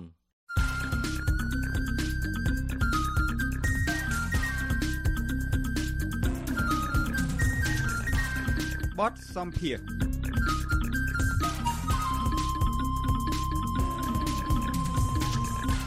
បលូននាងជាទីមេត្រីមន្ត្រីសិទ្ធិមនុស្សអន្តរជាតិថានឹងជំរុញឲ្យស្ថាប័នប៉ូលីសអន្តរជាតិឬអង្គតាក់ប៉ូលចេញនិវេតក្រហម តាមចាប់ខ្លួនមេកងអង្គរៈលោកនាយរដ្ឋមន្ត្រីហ៊ុនសែនទៅតាមដីការបស់តុលាការបារាំងនៅក្នុងសំណុំរឿងគប់ក្របបែកទៅលើក្រុមបាតកោដែលដឹកនាំដោយលោកសំរងស៊ីកាលពីឆ្នាំ1997 មន្ត្រីរូបនោះដែលក៏ជាសាក្សីដ៏សំខាន់មួយរូបនៅក្នុងសំណុំរឿងនេះនៅតុលាការបារាំងផងនោះបង្ហើបថាដីកានេះនឹងធ្វើឲ្យលោកហេងប៊ុនហៀងនិងលោកហ៊ុយពិសិដ្ឋព្រមទាំងលោកនាយរដ្ឋមន្ត្រីហ៊ុនសែនខ្លួនឯងផងអាចប្រឈមនឹងទណ្ឌកម្មបន្ថែមពីសហគមន៍អន្តរជាតិ បច្ចុប្បន្នតទៅទៀតនេះសូមអញ្ជើញលោកនាងស្ដាប់ភាគទី1នៃបទសម្ភាសន៍រវាងលោកមានរិទ្ធនិងនាយកទទួលបន្ទុកកិច្ចការតំបន់អាស៊ីនៃអង្គការឃ្លាំមើលសិទ្ធិមនុស្សអន្តរជាតិ Human Rights Watch លោក Brad Adams ជំវិញករណីតឡាការបារាំងចេញដោយការចាប់ខ្លួនមេកងអង្គរៈលោកហ៊ុនសែននៅក្នុងសំណុំរឿងគប់ក្របបែកលើបាតកោកាលពីឆ្នាំ1997នោះដូចតទៅបាទតើដោយការបង្គាប់ឲ្យចាប់ខ្លួនរបស់តឡាការបារាំងនេះ មានន័យយ៉ាងដូចម្តេចដែរសម្រាប់មេកងអង្គរៈរបស់លោកនាយករដ្ឋមន្ត្រីហ៊ុនសែនគឺលោកហ៊ីងប៊ុនហៀងហើយនិងលោកហ៊ុយពិសិដ្ឋនោះបាទហើយតើវាមានន័យយ៉ាងម៉េចដែរសម្រាប់លោកហ៊ុនសែនខ្លួនឯងវិញនោះបាទ Well I think for the two individuals បាទខ្ញុំគិតថាសម្រាប់បុគ្គលទាំងពីររូបគឺលោកហ៊ីងប៊ុនហៀងនិងលោកហ៊ុយពិសិដ្ឋពួកគេនឹងមិនអាចធ្វើដំណើរមកកាន់អឺរ៉ុបនិងនៅទ្វីបអាមេរិកខាងជើងបានទៀតឡើយ គួរតែមានដីកាបង្គាប់ឲ្យចាប់ខ្លួនពួកគេតាមរយៈនីតិវិធីរួមរបស់សហភាពអឺរ៉ុបគួរតែមាននិវេតក្រហមតាមចាប់ខ្លួនពួកគេចេញដោយស្ថាប័នប៉ូលីសអន្តរជាតិឬអាងតេប៉ូលដែលមានន័យថាពួកគេប្រឈមនឹងការចាប់ខ្លួននៅគ្រប់ទីកន្លែងទាំងអស់នៅលើពិភពលោកក្រៅតែពីប្រទេសកម្ពុជា តាមពិតទៅបុគ្គលទាំងពីររូបនេះគួរតែប្រឈមនឹងការចាប់ខ្លួននៅក្នុងប្រទេសកម្ពុជាក៏ប៉ុន្តែយើងដឹងហើយថា រដ្ឋាភិបាលកម្ពុជាបានបដិសេធការចាប់ខ្លួនពួកគេដែលការបង្គាប់ឲ្យចាប់ខ្លួនរបស់តុលាការបារាំងនេះក៏អាចបើកផ្លូវឲ្យមានការដាក់ទណ្ឌកម្មបន្ថែមមកលើពួកគេដែរលោកហ៊ីងមុនហៀងត្រូវបានដាក់ទណ្ឌកម្មរួចមកហើយកាលពីពេលកន្លងទៅខ្ញុំរំពឹងថាពួកគេទាំងពីររូបនេះនឹងប្រឈមនឹងការដាក់ទណ្ឌកម្មបន្ថែមលើពួកគេដែលអាចនឹងប៉ះពាល់ដល់ទ្រព្យសម្បត្តិដែលពួកគេមាននៅបរទេសឬក៏ប៉ះពាល់ដល់ក្រុមហ៊ុនណាមួយដែលពួកគេពាក់ព័ន្ធជាមួយ ដោយដែលយើងដឹងហើយថាលោកហ៊ីងមុនហៀងគឺជាមនុស្សដែលប្រព្រឹត្តអំពើពុករលួយខ្លាំងមែនទែនដូច្នេះលោកនឹងប្រឈមទៅនឹងការដាក់ទណ្ឌកម្មយ៉ាងទាន់ពេលវេលាវានឹងក្លាយជាអំពើខុសច្បាប់ក្នុងការរកស៊ីឬធ្វើចំនួនជាមួយពួកគេប្រសិនបើអ្នកជាក្រុមហ៊ុនបរទេសអាស្រ័យទៅតាមយតាធិការជាក់លាក់មួយចំនួន ដោយឡែកសម្រាប់លោកហ៊ុនសែនវិញដីការបស់តុលាការបារាំងបានគូបញ្ជាក់ច្បាស់ណាស់ថាបើគុំតែលោកមានអភ័យឯកសិទ្ធិទេកុំអីលោកហ៊ុនសែនខ្លួនឯងក៏ត្រូវប្រឈមនឹងដីកាបង្គាប់ឲ្យចាប់ខ្លួនដែរដូច្នេះថាតើលោកហ៊ុនសែននឹងត្រូវចាប់ខ្លួនដែរឬទេចម្លើយគឺទេ មិនមែននៅពេលឥឡូវនេះទេលុត្រាណាតែអភ័យឯកសិទ្ធិរបស់គាត់ត្រូវបានដកហូតដោយតុលាការបារាំងឬតុលាការដទៃទៀត។ ក៏ប៉ុន្តែខ្ញុំគិតថាវានឹងពិបាកខ្លាំងសម្រាប់សហភាពអឺរ៉ុបនិងប្រទេសនិយមប្រជាធិបតេយ្យដទៃទៀតក្នុងការអញ្ជើញគាត់ឲ្យមកចូលរួមកិច្ចប្រជុំទ្វេភាគីឬកិច្ចប្រជុំពហុភាគីផ្សេងទៀតដោយសារតែយើងមានតុលាការឯករាជ្យនៅក្នុងប្រទេសដែលមានប្រជាធិបតេយ្យរឹងមាំដែលបានសន្និដ្ឋានថាមានផតតាងបង្ហាញឲ្យឃើញថាលោកហ៊ីងមុនហៀងនិងលោកហ៊ុយពិសិដ្ឋបានរៀបចំនិងបានបញ្ជាឲ្យវាយប្រហារដោយក្របបែកទៅលើក្រុមបាតកោនិងថា មានតែបុគ្គលមួយរូបទេដែលអាចអនុញ្ញាតឲ្យពួកគេធ្វើដូច្នេះបាន ហើយបុគ្គលនោះគឺលោកនាយករដ្ឋមន្ត្រីហ៊ុនសែននោះឯងបាទតើលោកគិតថាវាអាចទៅរួចទេដែលតឡាការបារាំងនឹងឈានទៅដល់ការជំរុញឲ្យប៉ូលីសអន្តរជាតិឬអង្គតេប៉ូលជាដើមនោះចេញនៅនិវេតក្រហមតាមចាប់ខ្លួនបុគ្គលទាំងនេះនាពេលអនាគតនោះបាទបាទរបៀបរបបក្នុងប្រព័ន្ធយុតិធធបារាំងគឺវាអាស្រ័យទៅលើរដ្ឋអាជ្ញាជាអ្នកធ្វើសំណើនេះ ប៉ុន្តែរដ្ឋអាជ្ញាគួរតែស្នើឡើងដូចនេះតែបញ្ហាគឺថាมันមានព័ត៌មានប្រកបដោយតម្លាភាពនោះទេដូច្នេះយើងទាំងអស់គ្នារួមទាំងលោកជាអ្នកកសែតផងចាំបាច់ត្រូវពិនិត្យមើលលើរឿងនេះឲ្យបានស៊ីជម្រៅបន្ថែមទៀតដើម្បីចង់ដឹងថាតើនៅពេលណាដែលរដ្ឋអាជ្ញាបារាំងអាចនឹងធ្វើសំណើនេះឡើងរដ្ឋអាជ្ញាបារាំងពុំមានកាតព្វកិច្ចធ្វើសំណើនេះជាសាធារណៈទេ ពួកគេអាចធ្វើដូច្នេះបាន តែពួកគេមិនចាំបាច់ត្រូវតែធ្វើនោះទេ ដូច្នេះយើងមិនដឹងថាការនេះនឹងកើតឡើងនៅពេលណានោះឡើយប៉ុន្តែខ្ញុំមិនអាចបញ្ជាថាវានឹងមិនកើតឡើងនោះទេពីព្រោះថានេះជាសំណុំរឿងធ្ងន់ធ្ងរណាស់គឺពាក់ព័ន្ធនឹងការប៉ុនប៉ងធ្វើឃាតនិងការសម្លាប់មនុស្សនេះបើផ្អែកតាមតុលាការបារាំងពលគឺប៉ុនប៉ងធ្វើឃាតលោកសំរងស៊ីនឹងបានសម្លាប់មនុស្សដល់ទៅ16នាក់ឯណោះដូច្នេះប្រកាសណាស់នេះគឺជាបទអក្រិតធ្ងន់ធ្ងរមែនទែនបាទ អញ្ចឹងតើអង្គការរបស់លោកនឹងជំរុញឲ្យប៉ូលីសអន្តរជាតិចេញនិវេតក្រហមតាមចាប់ខ្លួនបុគ្គលទាំងនេះដែរឬទេបាទបាទប្រកាសណាស់យើងនឹងជំរុញរឿងនេះកាន់តែខ្លាំងបន្ថែមទៀតប៉ុន្តែទីបំផុតទៅអ្វីអ្វីគឺអាស្រ័យទៅលើអាញាធរបារាំងជាអ្នកធ្វើដូច្នេះខ្ញុំអាចនិយាយបានថាអាញាធរបារាំងធ្លាប់បានបញ្ជូនការទៀមទានិងដីកាបង្គាប់ឲ្យលោកហ៊ីមុនហៀងនិងលោកហ៊ុយពិសិដ្ឋ មកបង្ហាញខ្លួននៅមុខតុលាការបារាំងដែលចេញដោយចៅក្រមបារាំងបញ្ជូនទៅរដ្ឋមន្ត្រីយុតិធធបារាំងនិងទៅក្រសួងការបរទេសបារាំងរួចហើយបញ្ជូនទៅស្ថានទូតបារាំងប្រចាំនៅភ្នំពេញដើម្បីបញ្ជូនបន្តទៅដៃរដ្ឋាភិបាលកម្ពុជាដូច្នេះប្រព័ន្ធយុតិធធនៅបារាំងដំណើរការទៅបានយ៉ាងប្រសើរក្នុងការចាត់ការសំណុំរឿងនេះ ក៏ប៉ុន្តែសំណើនេះត្រូវបានរដ្ឋាភិបាលកម្ពុជាបដិសេធមិនឲ្យលោកហ៊ីមុនហៀងនិងលោកហ៊ុយពិសិដ្ឋចូលរួមការសួរដេញដោលឬបង្ហាញខ្លួនឡើយនេះហើយគឺជាមូលហេតុដែលនាំឲ្យឈានដល់ការចេញដីកាចាប់ខ្លួនពលគឺចៅក្រមចេញដីកាបង្គាប់ឲ្យចាប់ខ្លួននេះដោយសារតែបុគ្គលទាំងពីររូបនេះខកខានមិនបានបង្ហាញខ្លួនក្នុងតុលាការបារាំងដោយតាមការស្នើឡើយបាទចុះតើពួកគេអាចប្តឹងទាស់នឹងដីកាបង្គាប់ឲ្យចាប់ខ្លួននេះ ទៅតុលាការកម្ពុជារបស់បារាំងបានដែរឬទេបាទទេពួកគេមិនអាចប្តឹងទាស់ប្រឆាំងនឹងដីកាបង្គាប់ឲ្យចាប់ខ្លួននេះទៅតុលាការកម្ពុជាបារាំងបានទេក្នុងពេលនេះសំណុំរឿងនេះនឹងត្រូវបញ្ជូនទៅសវនាការលើអង្គសេចក្តីក្នុងតុលាការជាន់ទាបសិនដែលអាចនឹងធ្វើឡើងនៅពេលណាមួយនៅឆ្នាំក្រោយ នៅពេលនោះតុលាការនឹងលើកយកផុសតាងមកពិចារណាហើយសាក្សីដូចជារូបខ្ញុំជាដើមក៏នឹងត្រូវអញ្ជើញឲ្យទៅផ្ដល់សក្ខីកម្មដែរ តុលាការក៏នឹងតម្រូវឲ្យលោកហ៊ីងប៊ុនហៀងនិងលោកហ៊ុយពិសិដ្ឋមានវត្តមាននិងផ្ដល់សក្ខីកម្មដែរប្រសិនបើពួកគេជ្រើសរើសធ្វើដូច្នេះពេលនោះតុលាការនឹងចេញសេចក្តីសម្រេចថាតើមានភស្តុតាងគ្រប់គ្រាន់ដើម្បីផ្ដន្ទាទោសពួកគេដែរឬយ៉ាងណាបាទអញ្ចឹងបើសិនបើតឡាការបារាំងផ្ដន់ទាទោសពួកគេនៅក្នុងសវនាការលើអង្គសេចក្តីនាពេលខាងមុខនេះខ្ញុំចង់ដឹងថាតើទោសទណ្ឌរបស់ពួកគេនឹងធ្ងន់ធ្ងរដល់កម្រិតប៉ុណ្ណាទៅបាទខ្ញុំ មិនអាចអធិប្បាយបានថាយ៉ាងណានោះទេប៉ុន្តែខ្ញុំរំពឹងថាសំណុំរឿងដែលមានមនុស្សស្លាប់និងរបួសដល់ជាង100នាក់បែបនេះនឹងមានការផ្ដន្ទាទោសដាក់គុកច្រើនឆ្នាំមែនទែនប្រសិនបើពួកគេត្រូវបានផ្ដន្ទាទោសមែននោះនោះមានន័យថាតុលាការជឿជាក់ថាពួកគេពិតជាបានរៀបចំ និងមានផែនការសម្រាប់មនុស្សប្រកបមែនដូច្នេះវានឹងក្លាយជាបទចោទប្រកាន់ដ៏ធ្ងន់ធ្ងរមួយ ពុំទាន់មានការកំណត់ពេលវេលាជាក់លាក់នៅឡើយទេជុំវិញការបរិច្ឆេទសវនាការលើអង្គសេចក្តីតែមេធាវីក្នុងសំណុំរឿងនេះបានប្រាប់ខ្ញុំថាអាចត្រូវការពេលវេលាពី12ទៅ18ខែក្រៅពីចៅក្រមស៊ើបអង្កេតចេញដោយការបង្គាប់ឲ្យចាប់ខ្លួនបាទសូមអរគុណលោកបាទបាទអរគុណ បាទលោកនាងជាទីមេត្រីលោកនាងទៅបានស្ដាប់ភាគទី1នៃបទសម្ភាសន៍រវាងលោកមេនរិតនិងលោក Brad Adams ជំវិញការជំរុញឲ្យស្ថាប័នប៉ូលីសអន្តរជាតិឬក៏អង្គតេប៉ូលចេញនិវេតក្រហមតាមចាប់ខ្លួនមេកងអង្គរៈលោកនាយរដ្ឋមន្ត្រីហ៊ុនសែនតាមដីការបស់តុលាការបារាំងនៅក្នុងសំណុំរឿងគប់គ្រាប់បែកលើក្រុមបាតកោកាលពីឆ្នាំ1997បាទសូមលោកនាងរងចាំស្ដាប់ភាគទី2នៃបទសម្ភាសន៍នេះ ដែលលោក Brad Adams នឹងរៀបរាប់លម្អិតលើហេតុការណ៍ដែលបានកើតឡើងនៅក្នុងអំឡុងពេលនៃព្រឹត្តិការណ៍គប់គ្រាប់បែកកាលពី25ឆ្នាំមុននោះបាទសូមអរគុណ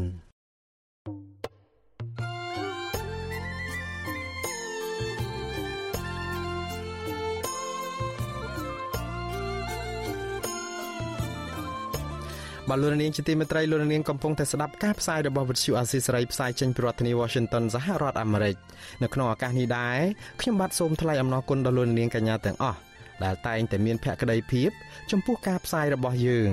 ហើយចាត់ទុកការស្ដាប់វិទ្យុអាស៊ីសេរីជាផ្នែកមួយនៃសកម្មភាពប្រចាំថ្ងៃរបស់លោកនាងការគ្រប់គ្រងរបស់លោកនាងនេះហើយដែលធ្វើឲ្យយើងខ្ញុំមានទឹកចិត្តកាន់តែខ្លាំងក្លាថែមទៀតនៅក្នុងការស្វែងរកនិងផ្តល់ព័ត៌មានជូនលោកនាង មានអ្នកស្ដាប់និងអ្នកទស្សនាកាន់តែច្រើនកាន់តែធ្វើឲ្យយើងខ្ញុំមានភាពស្វាហាប់និងមោះមុតជាបន្តទៅទៀតយើងខ្ញុំសូមអរគុណទុកជាមុនហើយក៏សូមអញ្ជើញលោកនាងកញ្ញាចូលរួមជំរុញឲ្យសកម្មភាពផ្តល់ព័ត៌មានរបស់យើងនេះកាន់តែជោគជ័យបន្ថែមទៀតលោកនាងអាចជួយយើងខ្ញុំបានដោយគ្រាន់តែចុចចែករំលែកឬ share ការផ្សាយរបស់យើងនៅលើបណ្ដាញសង្គម Facebook និង YouTube ទៅកាន់មិត្តភ័ក្តិដើម្បីឲ្យការផ្សាយរបស់យើងបានទៅដល់មនុស្សកាន់តែច្រើនបាទសូមអរគុណ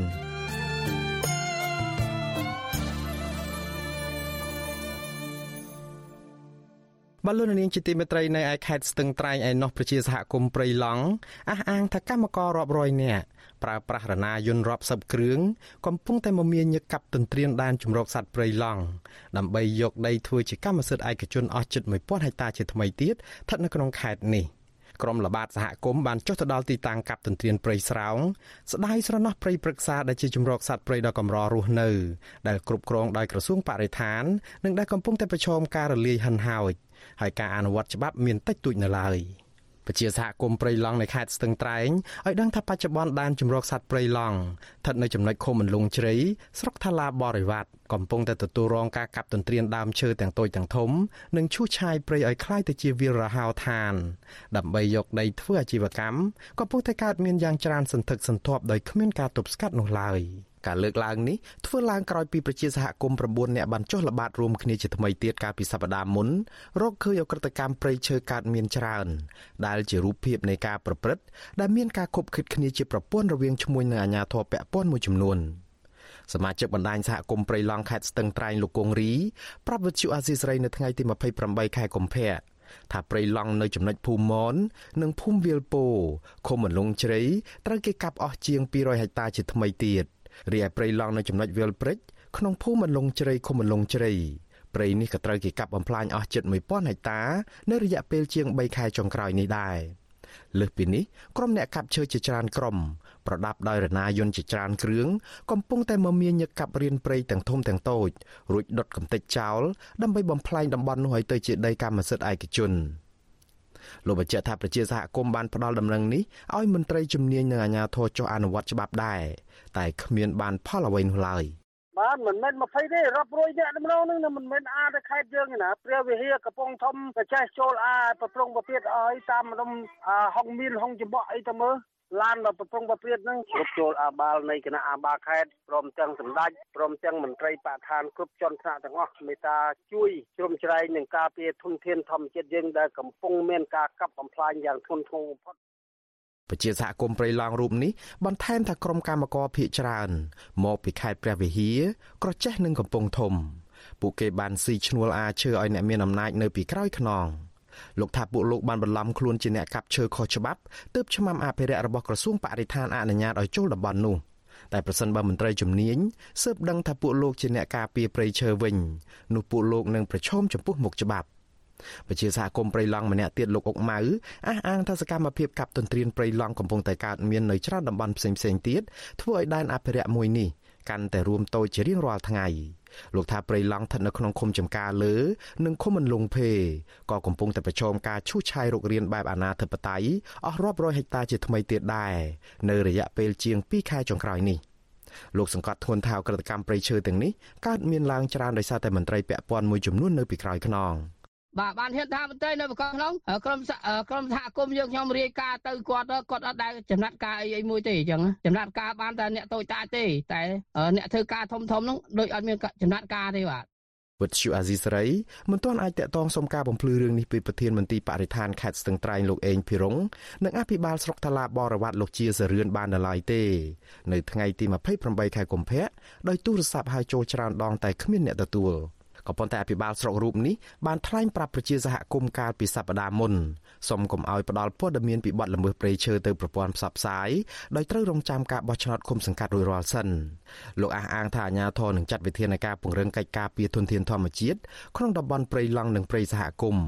ដោយទាមទារកិច្ចសហប្រតិបត្តិការល្អរវាងអាជ្ញាធរនិងប្រជាសហគមន៍ដើម្បីបង្ក្រាបបទល្មើសព្រៃឈើ រីឯអ្នកនាំពាក្យសាលាខេត្តស្ទឹងត្រែងលោកម៉ែនគង់លោកអះអាងថាមន្ត្រីជំនាញនិងមន្ទីរពាក់ព័ន្ធកំពុងតែចោះស្រាវជ្រាវនិងធ្វើកិច្ចការនេះហើយប្រសិនបើរកឃើញមានការកាប់ទន្ទ្រានដីព្រៃខុសច្បាប់មែននោះលោកអះអាងបន្ថែមទៀតថាអាជ្ញាធរខេត្តនឹងអនុវត្តតាមច្បាប់ជាធរមានគឺជាគោលការណ៍រដ្ឋបាលខេត្តស្រាវជ្រាវករណីនឹងទាំងអស់តើតើដីណាខ្លះដែលជាដីមានកម្មសិទ្ធិស្របច្បាប់ហើយដីណាខ្លះដែលជាដី ពុំមានកម្មសិទ្ធិស្របច្បាប់ហើយដីណាខ្លះដូចជាដីកាត់ទន្ទ្រានបាននៅក្នុងតំបន់ការពារធម្មជាតិទាំងអស់នេះមិនមែនទៅតាមពិតមិនមែនទៅតំបន់ព្រៃឡង់ទេគ្រប់តំបន់ទាំងអស់ក្នុងទូទាំងខេត្តបើសិនជាឃើញយ៉ាងណានោះយើងនឹងអនុវត្តទៅតាមនីតិវិធីជាគោលការណ៍សម្រាប់របស់រាជរដ្ឋាភិបាលនៅក្នុងការទប់ស្កាត់និងការពីធនធានធម្មជាតិនៅក្នុងដែនសមត្ថកិច្ចមួយមួយ កាលពីសប្តាហ៍មុនប្រជាសហគមន៍9នាក់បានលបចុះល្បាតព្រៃឡង់នៅឃុំលងជ្រៃពេញមួយថ្ងៃដោយរកឃើញគ្រឿងចាក់ជាច្រើនគ្រឿងនិងរណាយន្តរាប់សិបគ្រឿងដែលជាមធ្យោបាយកាប់ទន្ទ្រានព្រៃឡង់ឲ្យคลายជាវិលដើម្បីយកដីលក់ជាលទ្ធផលនៃការចុះល្បាតសហគមន៍បានកំណត់អត្តសញ្ញាណមេឈ្មោះម្នាក់ដែលគេតែងហៅឈ្មោះក្រៅថាយាយ02ដែលជាមេខ្លងកាប់ទន្ទ្រានព្រៃឡង់និងមានតំណែងតំណងស្និទ្ធជាមួយនឹងអាជ្ញាធរមានអំណាច។ ប្រជាសហគមន៍បានបញ្ជូនឈ្មោះស្ត្រីរូបនេះទៅមន្ត្រីជំនាញដើម្បីចាត់ការដែរតែគ្មានចំណាត់ការណាមួយនៅឡើយទេមកដល់ពេលនេះស្របពេលជាមួយគ្នានេះសកម្មភាពកាប់ទន្ទ្រានព្រៃការពីកណ្ដិតតែកើតមានច្រើនដដែលមន្ត្រីសម្របសម្រួលសមាគមការពារសិទ្ធិមនុស្សខេត្តស្ទឹងត្រែងលោកប៊ីវ៉ានីចាត់ទុកអកតកម្មព្រៃឈើទាំងនេះថាជាកំសោយនៃការអនុវត្តច្បាប់របស់ឆ្មាំអភិរក្សរបស់ក្រសួងបរិស្ថាន និងអាជ្ញាធរខេត្តស្ទឹងត្រែងដែលធ្វើឲ្យក្រុមជនល្មើសមិនញញើតច្បាប់ លោកទៀមទីឲ្យមន្ត្រីជំនាញនិងសមត្ថកិច្ចចុះទប់ស្កាត់បទល្មើសព្រៃឈើទាំងនេះជាបន្ទាន់និងត្រូវដកហូតដីព្រៃអភិរក្សមកជាសម្បត្តិរដ្ឋវិញជាពិសេសត្រូវអនុវត្តច្បាប់ដល់អ្នកពាក់ព័ន្ធហើយយើងភាកច្រើនអ្នកប្រព្រឹត្តមិនមែនជាអ្នកណាឆ្ងាយនៅភ្នំពេញអីទេគឺអ្នកនៅមូលដ្ឋានហ្នឹងហើយដែលទៅកັບទន្ទ្រានដីព្រៃតំបន់ការពីព្រៃឡង់ហ្នឹងអញ្ចឹងយើងស្នើសុំឲ្យមានការអនុវត្តច្បាប់ព្រៃឡង់ស្ថិតនៅក្នុងចន្លោះខេត្តចំនួន4ដូចជាខេត្តកាចេះស្ទឹងត្រែងព្រះវិហារនិងខេត្តកំពង់ធំ ព្រៃនេះត្រូវរដ្ឋាភិបាលប្រកាសបង្កើតជាដែនជម្រកសត្វព្រៃកាលពីថ្ងៃទី9ខែឧសភាឆ្នាំ2016ដែលមានផ្ទៃដីជាង400,000ហិកតាស្ថិតក្រោមការគ្រប់គ្រងរបស់ក្រសួងបរិស្ថានកាលពីខែមិថុនាឆ្នាំ2021កន្លងទៅសហរដ្ឋអាមេរិកបានកាត់ផ្តាច់ជំនួយអភិរក្សព្រៃឡង់21លានដុល្លារ ដែលធ្លាប់ផ្ដល់ឲ្យរដ្ឋាភិបាលកម្ពុជាដោយសារតែពិនិត្យឃើញថាព្រៃឡង់នៅតែទទួលរងការកាប់បំផ្លាញព្រៃឈើខ្លាំងក្លាដដែលហើយអាជ្ញាធរបានធ្វើទុកបុកម្នេញឥតស្រាកស្រានទៅលើសហគមន៍មូលដ្ឋាន និងសង្គមស៊ីវិលដែលចូលរួមការពារព្រៃនោះស្ថានទូតសហរដ្ឋអាមេរិកប្រចាំនៅកម្ពុជាចាត់ទុករឿងនេះជាបញ្ហាព្រោះនៅក្នុងពេលដែលការកាប់ឈើខុសច្បាប់នៅតែបន្តកើតមានទាំងនៅក្នុងនិងជុំវិញដែនជម្រកសត្វព្រៃឡង់ អាញាធរកម្ពុជាមិនត្រឹមតែមិនកាត់ទោសជនល្មើសឲ្យបានសមល្មមចំពោះបទល្មើសព្រៃឈើឬក៏បញ្ឈប់សកម្មភាពខុសច្បាប់ទាំងនេះនោះទេក៏ប៉ុន្តែពួកគេបែរជាបន្តបបិទសម្លេង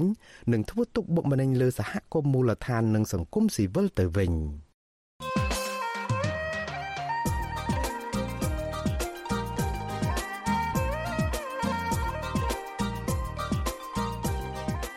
បាទលោកនាងជាទីមេត្រីនៅមុនខួប25ឆ្នាំនៃការបោកគ្រាប់បែកលើក្រុមបាតកោនៅមុខវិមានរដ្ឋសភាក្រុងភ្នំពេញកាលពីថ្ងៃទី30មីនាឆ្នាំ1997តឡាការនៃប្រទេសបារាំងបានរកឃើញថាអ្នកនៅពីក្រោយការបោកគ្រាប់បែកសម្រាប់បាតកោនេះគឺជាមនុស្សចំណិតពីររូបរបស់លោកហ៊ុនសែននោះគឺលោកហ៊ីងប៊ុនហៀងមេអង្គរៈរបស់លោកហ៊ុនសែនជាអ្នករៀបចំចាត់ចែងបញ្ជូនមនុស្សឲ្យទៅបោកគ្រាប់បែកនិងលោកហ៊ុយពិសិដ្ឋ បច្ចុប្បន្នជារដ្ឋលេខាធិការក្រសួងការពារជាតិជាអ្នករៀបចំផែនការឲ្យជនដៃដល់ទាំងនោះកិច្ចខ្លួនបន្ទាប់ពីបោកគ្រាប់បែកតឡាការប្រទេសបារាំងចេញបញ្ជាឲ្យចាប់ខ្លួនអ្នកទាំងពីរនេះឡើងតឡាការលោកសំរៀងស៊ីដែលជាអ្នកដឹកនាំបាតកម្មនាពេលនោះបានរួចជីវិតពីការប៉ុនប៉ងសម្លាប់នៅក្នុងការបោកគ្រាប់បែកនោះដោយមានសញ្ជាតិបារាំងផងលោកសំរៀងស៊ីជាអ្នកដាក់ពាក្យប្តឹងទៅតុលាការប្រទេសបារាំង តើតឡាការនៃប្រទេសបារាំងនឹងធ្វើយ៉ាងណាដើម្បីអាចចាប់ខ្លួនលោកហ៊ីងប៊ុនហៀងនិងលោកហ៊ុយពិសិដ្ឋបញ្ជូនទៅតឡាការប្រទេសបារាំងបានតើការរកឃើញជាបន្តបន្ទាប់ថាបកពួកលោកហ៊ុនសែនជាអ្នកប្រព្រឹត្តអំពើឃាតកម្មអំពើពុករលួយនឹងការរំលោភបំពានជាហូរហែបែបនេះប៉ះពាល់បែបណាដល់លោកហ៊ុនសែនបាទសូមអញ្ជើញលោកនាងរងចាំស្ដាប់នឹងចូលរួមនៅក្នុងនីតិវេទិកាអ្នកស្ដាប់វិទ្យុអាស៊ីសេរីនារីត្រីថ្ងៃអង្គារទី1ខែមីនានេះ ដែលមានលោកសំរៀងស៊ីជាដើមមិនដឹងនិងជាជនរងគ្រោះពីការបោកគ្រាប់បែកនេះធ្វើជាវាគ្មិនកិត្តិយសនិងមានលោកជុនច័ន្ទបុតជាអ្នកសម្របសម្រួលបាទសូមអរគុណបាទលោកនាងជាទីមេត្រីនៅឯទឹកដីកម្ពុជាក្រោមឯណោះវិញប្រជាពលរដ្ឋខ្មែរកម្ពុជាក្រោមបន្តរងការធ្វើទុកបុកម្នេញពីអាជ្ញាធរវៀតណាម អាញាធិបតេយ្យវៀតណាមនៅខេត្តឃ្លៀងបានបន្តកោះហៅយុវជនខ្មែរក្រមម្នាក់ទៀតទៅសម្លុតកុំឲ្យសហការនឹងសកម្មជនខ្មែរកម្ពុជាក្រមដែលកំពុងងើបឡើងតវ៉ាទាមទារសិទ្ធិជាជនជាតិដើមសហព័ន្ធខ្មែរកម្ពុជាក្រោមថ្កោលទោសអាញាធិបតេយ្យវៀតណាមដែលបន្តធ្វើទុកបុកម្នេញយុវជនខ្មែរកម្ពុជាក្រោមនិងអំពាវនាវឲ្យសហគមន៍អន្តរជាតិអន្តរាគមន៍វៀតណាមឲ្យឈប់ធ្វើទុកបុកម្នេញខ្មែរកម្ពុជាក្រោមបន្តទៅទៀតបាទពីរដ្ឋធានី Washington លោកយុនសាមៀនមានសេចក្តីរាយការណ៍ជុំវិញព័ត៌មាននេះ អញ្ញាធិវៀតណាមបានក៏ហៅយុវជនខ្មែរក្រោមលោកតាំងធីទៅសាកសួរដោយចោទប្រកាន់ថាលោកពាក់ព័ន្ធនឹងយុវជនខ្មែរក្រោមផ្សេងទៀតដែលវៀតណាមចោទថាពួកគេកំពុងធ្វើសកម្មភាពក្បត់ជាតិប៉ុន្តែអាញាធិវៀតណាមបានដោះលែងលោកតាំងធីឲ្យមានសេរីភាពវិញក្រោយបានសាកសួរអស់រយៈពេលច្រើនម៉ោង វៀតណាមបានកោះហៅយុវជនលោកតាំងធីទៅសាកសួរចម្លើយនេះដោយសារតែលោកបានបង្ហោះរូបភាពមួយសន្លឹកនៅតាមបណ្ដាញសង្គមដែលលោកថតជាមួយសកម្មជនខ្មែរក្រៅម្នាក់ទៀតឈ្មោះយឿងខាយអាញាធរវៀតណាមខេត្តឃ្លៀងកាលពីថ្ងៃទី18កុម្ភៈក៏បានឃុំខ្លួនយុវជនខ្មែរក្រៅម្នាក់ទៀតឈ្មោះយ៉ាញ់សេតដោយគ្មានដីកាការខាត់ខ្លួននេះធ្វើឡើងបន្ទាប់ពីអាញាធរវៀតណាមបានចោទប្រកាន់លោកថាជាប់ពាក់ព័ន្ធនឹងលោកយឿងខាយដែរ ពាក់ព័ន្ធទៅនឹងការខាត់ខ្លួនយុវជនខ្មែរក្រោមជាបន្តបន្ទាប់នេះសហព័ន្ធខ្មែរកម្ពុជាក្រោមកាលពីថ្ងៃទី21កុម្ភៈបានចេញសេចក្តីថ្លែងការណ៍ថ្កោលទោសវៀតណាមសហព័ន្ធខ្មែរកម្ពុជាក្រោមចោទប្រកាន់ថាវៀតណាមបានបន្តកោះហៅយុវជនខ្មែរក្រោមទៅវាយដំ និងបង្ខំឲ្យសារភាពទទួលកំហុសចំពោះទោសដែលពួកគេមិនបានប្រព្រឹត្ត វៀតណាមបានប្រើប្រាស់រយៈពេលរាប់ម៉ោងក្នុងការសួរចម្លើយម្ដងម្ដងហើយក៏បានបង្ខំឲ្យយុវជនខ្មែរក្រោមប្រាប់លេខកូដទូរស័ព្ទដៃរបស់ពួកគេផងដែរសហព័ន្ធខ្មែរកម្ពុជាក្រោមសំណុំពរឲ្យសហគមន៍អន្តរជាតិអន្តរាគមន៍វៀតណាមឲ្យបញ្ឈប់ធ្វើទរណកម្មនិងសងសឹកយុវជនខ្មែរក្រោមហើយត្រូវងាកទៅគោរពសន្ធិសញ្ញាអន្តរជាតិដែលវៀតណាមបានផ្ដល់សេចក្ដីបាន ពាក់ព័ន្ធទៅនឹងសំណើនេះប្រធាននាយកដ្ឋានព័ត៌មានសហព័ន្ធខ្មែរកម្ពុជាក្រោមព្រះភិក្ខុសើងយើងរតនាមានថរដីកាប្រាប់វិទ្យុអាស៊ីសេរីកាលពីថ្ងៃទី26កុម្ភៈថាចេតនាវៀតណាមដែលបន្តហៅយុវជនខ្មែរក្រោមទៅសម្លុតគម្រាមកំហែងនេះគឺមិនចង់ឲ្យយុវជនទាមទារសិទ្ធិជនជាតិដើមនិងនិយាយរឿងពិតពីប្រវត្តិបាត់បង់ទឹកដីខ្មែរក្រោមដែលវៀតណាមយកពីបារាំងទាំងខុសច្បាប់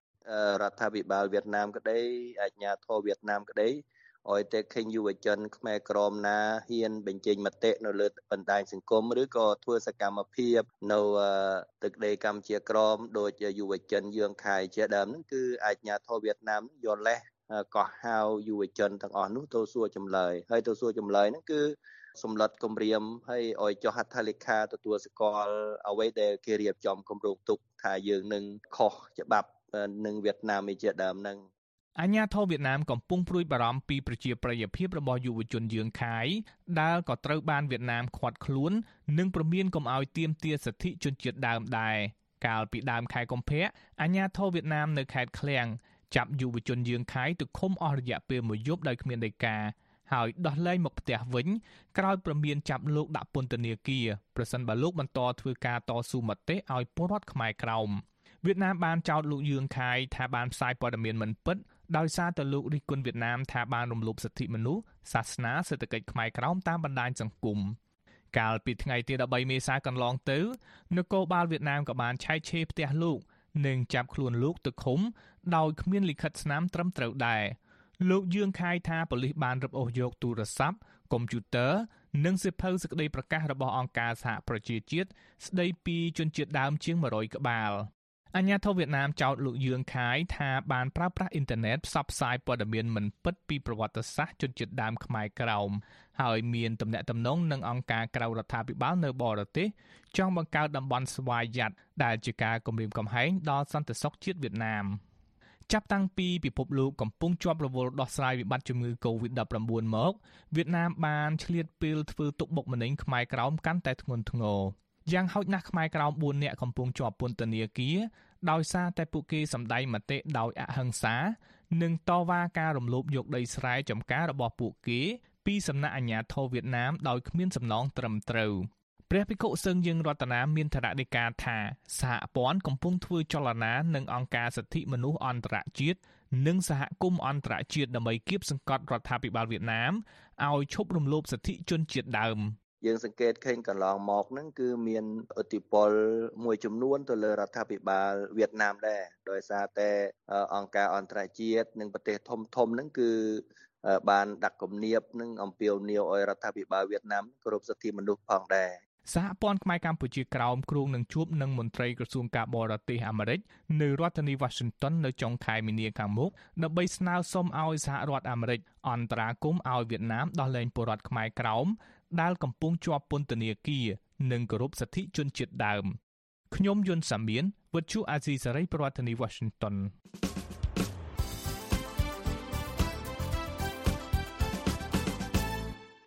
បលូននាងកញ្ញាអ្នកស្ដាប់ជាទីមេត្រីការផ្សាយរយៈពេល1ម៉ោងជាភាសាខ្មែររបស់វិទ្យុអាស៊ីសេរីនៅពេលនេះចប់តែប៉ុណ្ណេះយើងខ្ញុំសូមជូនពរដល់លោកនាងព្រមទាំងក្រុមគ្រួសារទាំងអស់ ឲ្យជួបប្រកបតែនឹងសេចក្តីសុខចម្រើនរុងរឿងកុំបីឃ្លៀងឃ្លាតឡើយខ្ញុំបាទមុងណារ៉េតព្រមទាំងក្រុមការងារទាំងអស់នៃវិទ្យុអាស៊ីសេរីសូមអរគុណនិងសូមជម្រាបលា